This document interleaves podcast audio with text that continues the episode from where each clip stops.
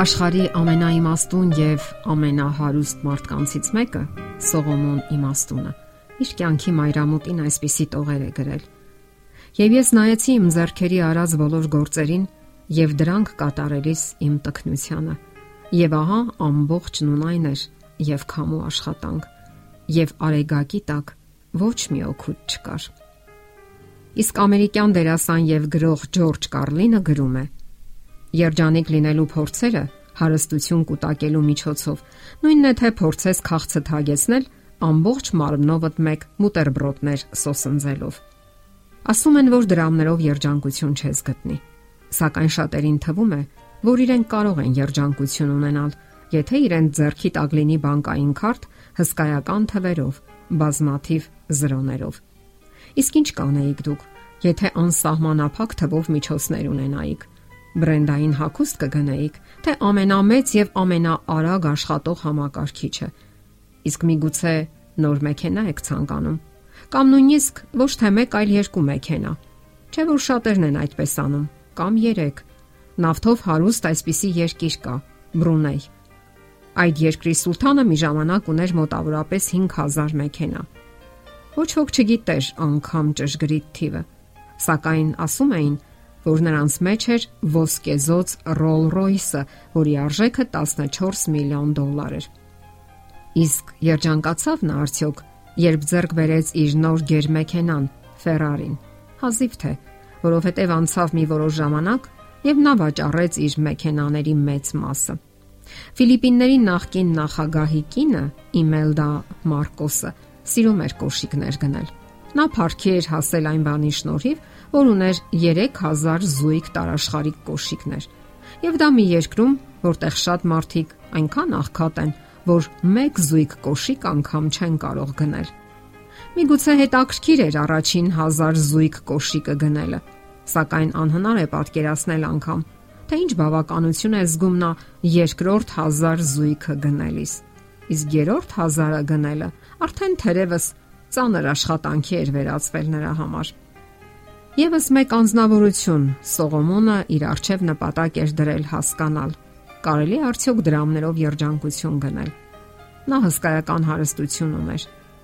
Ահա թե ինչ է գրում իր այդ որոնումների մասին աշխարի ամենաիմաստուն մարդը։ Ես մեծ գործեր կատարեցի։ Ինձ համար տներ կառուցեցի, ինձ համար այգիներ տնկեցի,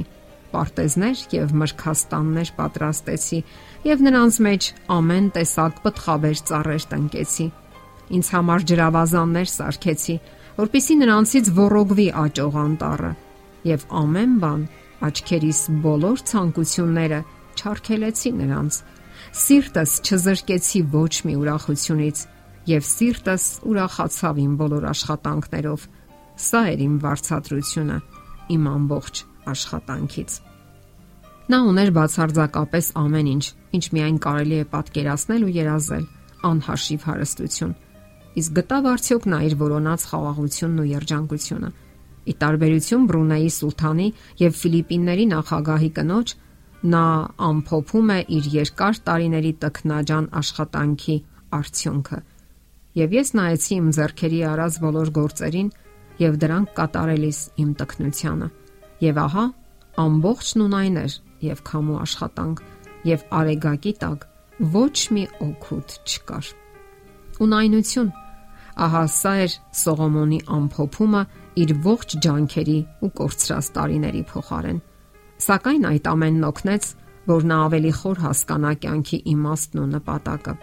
Այդ ամենը կարող էր նաև իզուր չլինել, եթե մենք վերջնական արդյունքում հանգում ենք փրկարար ճշմարտությունների։ Սողոմոնի որոնումները սակայն չավարտվեցին միայն հարստություն կուտակելով։ Նա իրեն նվիրեց նաև իմաստությանը։ Ընթերցեց բազմաթիվ գրքեր, որոնք միայն հասու էին նրան այդ ժամանակներում։ Ուսումնասիրեց մարդկանց տիեզերքն ու գիտությունը։ Նա կանգ չառավ ոչ մի բանի առաջ, ինչև չհասկանա, թե որն է մարդու կյանքի նպատակն ու իմաստը։ Ապա գրեց. «Եվ վերջապես, Որթիակս, նրանցից խրատվիր» Շատ գրքեր գրելը վերջ չունի եւ շատ կարդալը հոգնեցնում է մարմինը։ Եվ միայն տարիների ավարտին կյանքի վերջում նա այսպես ամփոփեց իր ողջ ջանքերի արդյունքը։ ամբողջ խոսքի վախճանը լսենք։ Աստվածանից վախեցիր եւ պահիր նրա պատվիրանները, որովհետեւ մարդու համար սա է իր ամբողջ պարտավորությունը, որովհետեւ Աստված բոլոր գործերը դատաստանի է բերելու ամեն ծածուկ բանի հետ, թե բարի, թե չար։ Սողոմոնի ամփոփումը կարող է նաև մեր կյանքի ամփոփումը լինել։ Աստծուց վախեցիր եւ պահիր նրա պատվիրանները։ Որն է երջանկության տանող ուղին։ Միայն եւ միայն Աստծո հետ անկեղծ եւ ճշմարիտ հարաբերությունների ուղին։ Ապրել, աշխատել, ստեղծագործել եւ ջանքեր ու երանգ գործադրել իրականացնելու մեր նպատակներն ու երազանքները այս աշխարհում։ Սակայն Աստծո հետ, Աստծո կամքով եւ Աստծո մեզ համար նախանշած ճանապարով։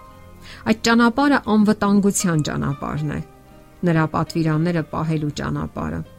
Ինչպես անխախտ են դրանք դարեր ի վեր, այնպես անխախտ են դրանց հուսալիությունն ու անվտանգությունը։